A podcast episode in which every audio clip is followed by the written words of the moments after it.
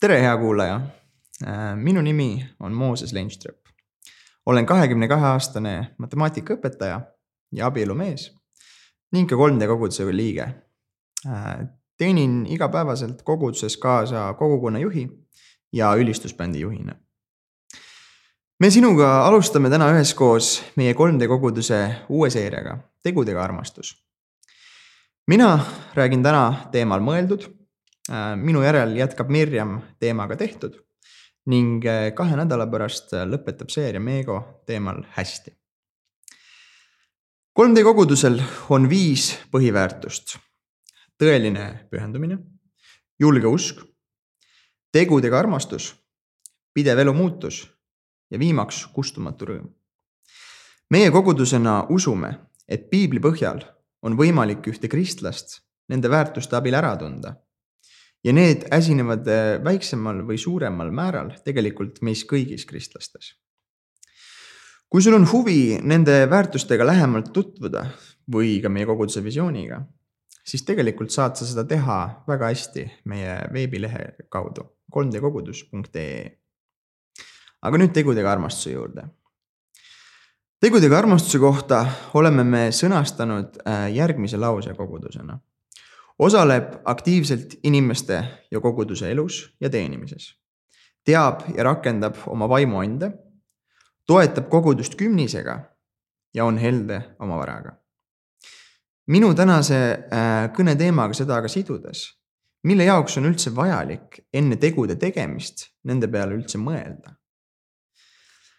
Winston Churchill äh, on kunagi öelnud säärase lause. He uh, who fails to plan is planning to fail. seda sügavamalt nüüd läbi mõeldes äh, võime siis öelda niimoodi, keegi, kes ei oska oma elu või päeva või nädalat ette mõelda, see tegelikult planeeribki juba eos selle asja läbikukkumist või selle perioodi läbikukkumist. sama võib ka tegelikult ju siduda ja mõelda armastuse tegude kohta. kui ma ei suuda eraldada oma raha, aega või mõtteid selle jaoks, et teisi aidata või nendele armastuse tegusid teha, eks ole. siis tegelikult ma planeeringi juba nende mittetegemist, nii karm kui see ei ole. juhuslikult võivad sündida erinevad teod aeg-ajalt, kuid tegude läbimõtestamine aitab minu arvates nendel tõusta mingisse uutesse mõõtmetesse. mis jaoks üldse teha neid armastuse tegusid siis või mis, mille, millega see seostub? Äh, Jeesus ütleb piiblis nõnda hoiduge valeprohvetite eest, kes tulevad teie juurde lambanahas, seestpidi aga on kiskjad hundid. Te tunnete nad ära nende viljast. ega viinamarju korjata kibuvitstelt ega viigimarju ohakalt. nõnda siis kannab iga hea puu head vilja, aga halb puu halba vilja. kõikidele kristlikust perest pärit inimestele ja ilmselt ka kogudusega lihtsalt kokku puutunutele. on see kirjakoht mõnel määral tuttav, lapsest saati põhimõtteliselt kuulnud, eks ole. Äh, aga seoseid minu jaoks või noh, kuidas sulle tundub, on tegelikult üsna lihtne teha, eks ole. kui me ei taha saada taevas nii-öelda pettumuse või noh, mingisuguse sellise asja osaliseks või siis lihtsalt, et meid nimetataks huntideks lambanahas, siis meie elu peab kandma head vilja või noh, võiks kanda, on ju Äh, üks huvitav osa, mis sellest 3D väärtusest, mille, mida ma enne ette lugesin, välja tuli, äh, on siis see kümnise pool. kui sa pole kunagi terminiga kümnis kokku puutunud, siis äh, lihtsustatult minu jaoks on see kümme protsenti kogu minu sissetulekust, mis minu pangakontole laekub ja mis kuulub tegelikult täielikult siis Jumala, Jumalale minu koguduse ülesehitamise jaoks, siis jah, võib niimoodi öelda. kui sa pole kogudusega kunagi varem kokku puutunud siis ilmselt võid sa mõelda, mingi sekti värk. millise, miks ma peaksin igal kuul kümnendiku oma palgast kandma kuskile suvalisele arvele? ma ju isegi ei tea, mida selle rahaga edasi tehakse. väga ausad küsimused ja aus reaktsioon minu arvates nagu äh,. igal juhul on kümnist mõistlik maksta sellisele kogudusele, kelle visiooniga sina oled kursis ja usud sellesse äh, ning sa soovid seda kogudust ka toetada seega, kui sa oled kristlane, aga veel kümnist ei maksa, mul on sulle üks väljakutse. Äh, tutvu mõne koguduse visiooniga, kes toimetab kas siis Eestis või välismaal ja tee omale see harjumus juba püsikorraldusena oma palgast, et see läheks maha, see kümme protsenti. meil näiteks oli hiljuti kogukonnas üks väga hea arutelu, mille käigus rääkisime avatult sellest, kes kui palju kümnisega panustamas on ning miks üldse kümnist maksma peaks meil tuli välja väga palju häid ideid, näiteks kui raha läheb püsikorraldusena maha, ei teki sul kordagi kiusatustki nii-öelda kümnist mitte maksta, eks ole. Äh, sa saadki aru, et see on see raha, mis kuulub Jumalale ja tema kuningriigi ülesehitamiseks siin maa peal, eks ole, asi korras nii-öelda. Äh, lisaks siis, kui ma tooksin veel teise näite välja, äh, tuli meil ka välja point nii-öelda kümnise mittemaksmisest. inimesed tõid välja, et elus võib olla nii nii-öelda noh, kitsas käes et tõesti üliraske on seda kümmet protsenti jumalale hoida, tundub kuidagi ebainimlik või, või, või mitte nagu normaalne, eks ole. näiteks kui sa saad äh, Töötukassalt kakssada seitsekümmend eurot kuus, siis inimlikus mõttes tundub kahekümne seitsme euro äraandmine lauslollus. samas jõudsime arutelu käigus aga järgmise küsimuseni, kas kunagi saab olla sissetulek liiga väike kümnise maksmise jaoks või liiga suur kümnise maksmise jaoks kas Jumala jaoks on rohkem äh, oluline meie kümme protsenti kahesajast eurost või see südamehoiak, millega me seda teeme? Äh, no meie igal juhul jõudsime pika arutelu käigus mõtteni, et tähtsam on see teine pool, meie südamehoiak. Luuka kakskümmend üks, üks kuni neli ütleb, äh, aga vaadates ümber, nägi Jeesus rikkaid oma ande ohvrikirstu panevat. ta nägi ka üht vaest lesknaist panevad sinna kaks leptonit ja ütles. tõesti, ma ütlen teile, see vaene lesknaine pani rohkem kui kõik muud, sest need kõik panid oma küllusest Jumalale anniks, kuid tema pani kogu äh,, tema pani oma, oma kehvusest kogu elatise, mis tal oli. siit loost ilmneb, et Jumala jaoks on oluline meie süda ja tegelikult ka meie koguduse põhiväärtuses olev teine pool, mis ma enne lugesin, siis on helde oma varaga. kui sa mõtled, et nüüd ma kandsin oma kümme protsenti kümnist ära, tšauki tšau jumal, ma olen püha kristlane ja teen oma üheksakümne protsendiga, mida soovin, siis see on väga libe tee, mida mööda kõndida siinkohal soovitan sul väga äh, kuulata ühte head äh, kristlikku podcast'i. Äh, tervitus vendadele, kes seda teevad, nimega Toores podcast ja osa nimetuseks ongi siis kümnis väga,, väga-väga hea kraam. kui me räägime edasi aga tegudest, siis häid tegusid tehes täitub meie süda. täitub selle erilise teistsuguse rõõmuga, kui me oskame üldse arvata oled kindlasti kuulnud kunagi ütlust äh, andmise rõõm on suurem kui saamise rõõm. Äh, lause, mida teoorias on nii hea ja mõnus ise öelda, aga tegudesse panna ilmselt keerulisem, kui me üldse arvata oskamegi. Äh, meil kõigil on aga olnud neid hetki, kus me suudame seda lauset nii-öelda rakendada oma elus on see siis kodutule inimesele mingi kümne euriku andmine, eks ole, äh, oma sõbrale midagi poest välja tegemine või siis kellegi autoga koju viimine, kes ei asu üldse sinu koduteekonnal näiteks. mida aga sina pärast neid tegemise hetki tavaliselt tunned? Äh, mina võin öelda, et minu puhul on selliseks ühisnimetajaks nende tegude puhul sihuke asi, et ma tahan kohe kellelegi kolmandale isikule rääkida, mida ma tegin selle teise isiku heaks. ma ei tea, kas sul on samamoodi, aga, aga mul ongi selline tunne, nagu tahaks, ma ei tea, see, see kõlab nii valesti, aga tahaks nagu kohe selle kellegi teise heakskiidu ära teenida nii-öelda selle eest, millega ma hakkama sain. või, või mismoodi ma nüüd kellegi elu tohutult palju paremaks tegin. kõlab väga, väga rumalasti, aga, aga kuidagi, kuidagi ma olen selline ja, ja siis mõtlesin ühe väikse piiblist ka siukse hea kirjakoha selle kohta, et, et mida Jeesus ütleb siis. ja Jeesus ütleb oma, oma mäeütluses nõnda. hoiduge aga, et te oma vagasid tegusid ei tee inimeste ees, et nemad teid vaataksid. muidu ei ole teil palka oma isalt, kes on taevas. kui sa nüüd almuseid jagad, siis ära lase enese ees pasunat puhuda nii nagu silmakirjatsejad teevad sünagoogides ja tänavatel, et inimesed neid ülistaksid. tõesti, ma ütlen teile, neil on oma palk käes. sina aga, kui sa oma almust jagad, siis ärgu su vasak käsi teadku, mida su parem käsi teeb. et su almus oleks varjatud ja su isa, kes näeb varjatudki, tasub sulle. väga huvitav koht, väga, väga palju mõtteid võib tekkida. Äh, ma ei tea, mis sulle ette tuleb. Äh, aga minul äh, isa siis, minu isa seletas mulle kunagi niimoodi, et noh, seletas selle kirjakoha niimoodi nagu, kui ma väike olin, sellistesse headesse sõnadesse.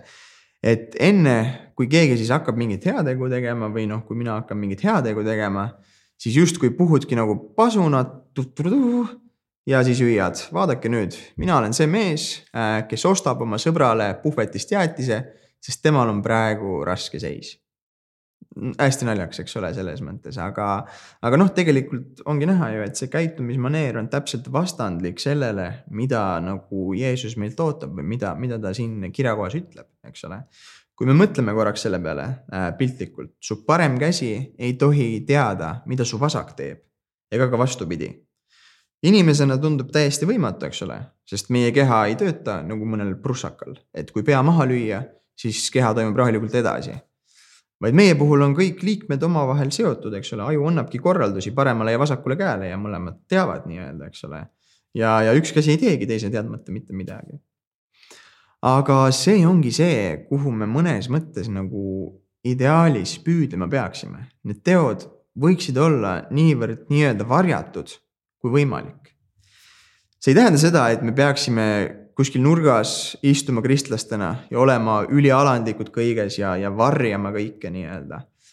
pigem äh, võiks see tähendada seda, et kui me mõnda heategu teeme või, või nagu iseennast nii-öelda selle armastuse teo mõttes ületame, siis meie motiiv poleks mitte see, et me tahame saada teiste või kolmandate isikute kiitust, sest sellisel juhul meie palk oleks siin maa peal juba olemas, eks ole.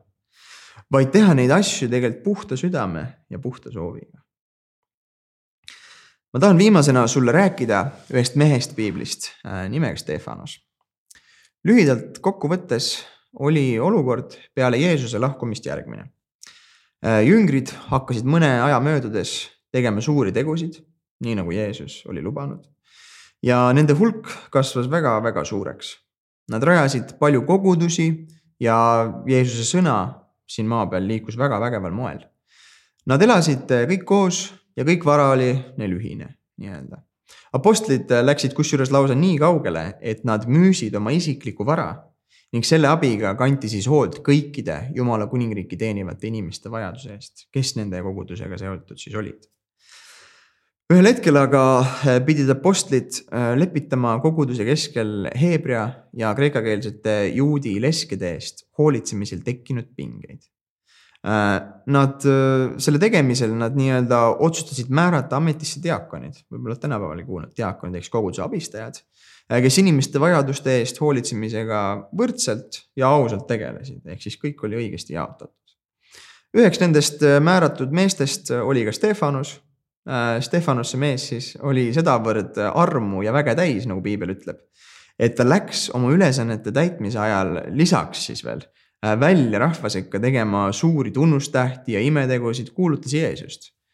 Äh, inimestele aga see ei meeldinud ning pärast lühikest ja mitte täielikku kohtuprotsessi visati seesama mees kividega surnuks. Äh, mis aga mind selle loo jooksul mm, imestama paneb või no mis on selline huvitav koht, mida välja tuua, ongi siis järgmine kirjakoht Apostlite tegude raamatust selle peale nad karjusid valju häälega ja oma kõrvu kinni hoides sööstsid nagu üks mees tema kallale ja kihutasid ta linnast välja ning viskasid teda kividega. Ja tunnistajad panid oma rõivad maha ühe noormehe jalgade ette, keda kutsuti Sauluseks. ja nad viskasid kividega Stefanust, kes valjusti hüüdis. issand Jeesus, võta mu vaim vastu ning ta laskus põlvili ja hüüdis suure häälega. issand, ära pane seda neile patuks. ja kui ta seda oli öelnud, uinus ta. Kui me räägime tegudega armastusest, nagu siin seerias juba äh, liikumas oleme, siis äh, selles loos võiks öelda, et armastust väljendab Stefanus, kindlasti ma arvan, oled nõus sellega. Äh, Stefanus väljendab oma armastust minu jaoks täiesti uskumatul viisil selles mõttes, et hetkel, mis oli füüsilises mõttes tema jaoks ilmselt kõige valusam ja piinarikkam senises elus. Äh, sellel samal hetkel suudab ta tegelikult mõelda nende inimeste igaviku peale, kes temale seda tohutut füüsilist valu valmistamas on ta hüüab issandale, äh, meie jumalale, et too ei paneks seda tegu neile pahaks. Äh, Stefanos on justkui valmis oma elu ohverdama ja olema inimeste elu väärtuse hierarhia mõttes sedavõrd madalal kohal, et tema elu äh, hävitamine ei peaks tegelikult tooma mitte mingisugust karistust neile kiviga viskajatele nii-öelda sellist lähenemist elule ja, ja nii suurt alandlikkust ei ole võimalik inimlikul viisil kuidagi treenida. ma arvan, ma arvan, sa võid sellega nõus olla. Äh, et, et ei ole, ei ole võimalik samuti ka kuidagi endale sisendada, et ma olen nüüd nii alalik ja alandlik ja sunnin ennast ebamugavusele teiste elu eest.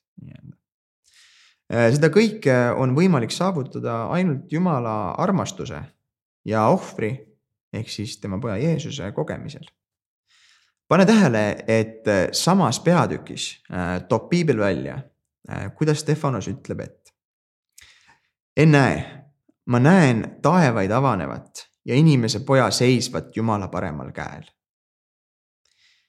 see kirjakoht on väga tähenduslik mitmes mõttes. Esiteks ajas juudid ja kõik, kes Stefanuse peale juba niigi hammast verel hoidsid, veelgi vihasemaks kuidas on võimalik sellisel ebapühal isikul füüsiliselt üldse näha Jumalat? kuidas see on võimalik, tal ei ole mingit haridust, mitte midagi, mida on vaja. kas, kas see lause, mis ta just ütles, kas see tähendab seda, et ta väidab jälle, kuidas see Jeesus ikkagist oli päästja ja on nüüd üles tõusnud lausa Jumala paremale käele? Nad olid marus selle venna peale. teine ja veelgi tähenduslikum osa Äh, Stefanos koges Jumalat nii reaalselt, äh, et ta nägi teda ja tema poega, lausa füüsiliselt nägi. Stefanos oli nii füüsiliselt kui ka vaimselt äh, nii reaalselt kogenud Jumalat ja tema armastust, et selline kividega surnud viskamine, see polnud tema jaoks suuremat sorti probleem, kui tohib seda niimoodi öelda, jah. Ta oli valmis oma elu ohverdama Äh, ning ei nõudnud mitte kordagi, et teised peaks selle eest kuidagi karistada saama või mida iganes, just vastupidi. ta palus nende eest andeks ja palus nende eest Jumalat, Jumalat, jah. Äh, Stefanuse elu suurimaks muutuseks oli see, kui ta koges Jumalat tõesti, reaalselt koges. kuskilt oli ta juba enne Jeesusest kuulnud ja teada saanud, et ta on Jumala poeg ning teinud äh, vabaks ka Stefanuse enda elu ka minu elus oli sarnane armastuse kogemise hetk, võin tunnistada. Äh, minu ellu tuli Jeesus oma armastusega läbi teise inimese. Äh, Jeesuse arm ja halastus tulid nagu välk selgest taevast minuni. ja need tulid läbi selle, kui armastavalt see teine inimene minuga käitus ja, ja kuidas ta tõesti nagu hoolis minust. ma tahtsin muutuda pärast seda. ka sinul on see võimalus täna Jeesust kogeda Äh, saada teada, mis on tema parim, äh, tema parim plaan sinu elule ja, ja, ja mis on sinu suurim potentsiaal läbi tema tugevuse ja võimsuse, mitte oma jõuga. Jeesus ootab sind ja sinu sammu äh, iga päev uuendada oma suhet ja teha reaalseid samme tema poole, nii lihtne, kui seda pole öelda. mõtle sellele ja mõtle ka sel nädalal sellele, kus võiksid sina kedagi reaalse teoga aidata või armastada niimoodi, et see toob kasu sellele inimesele, kuid ei too au sinule või, või pasuna puhumist sinu ees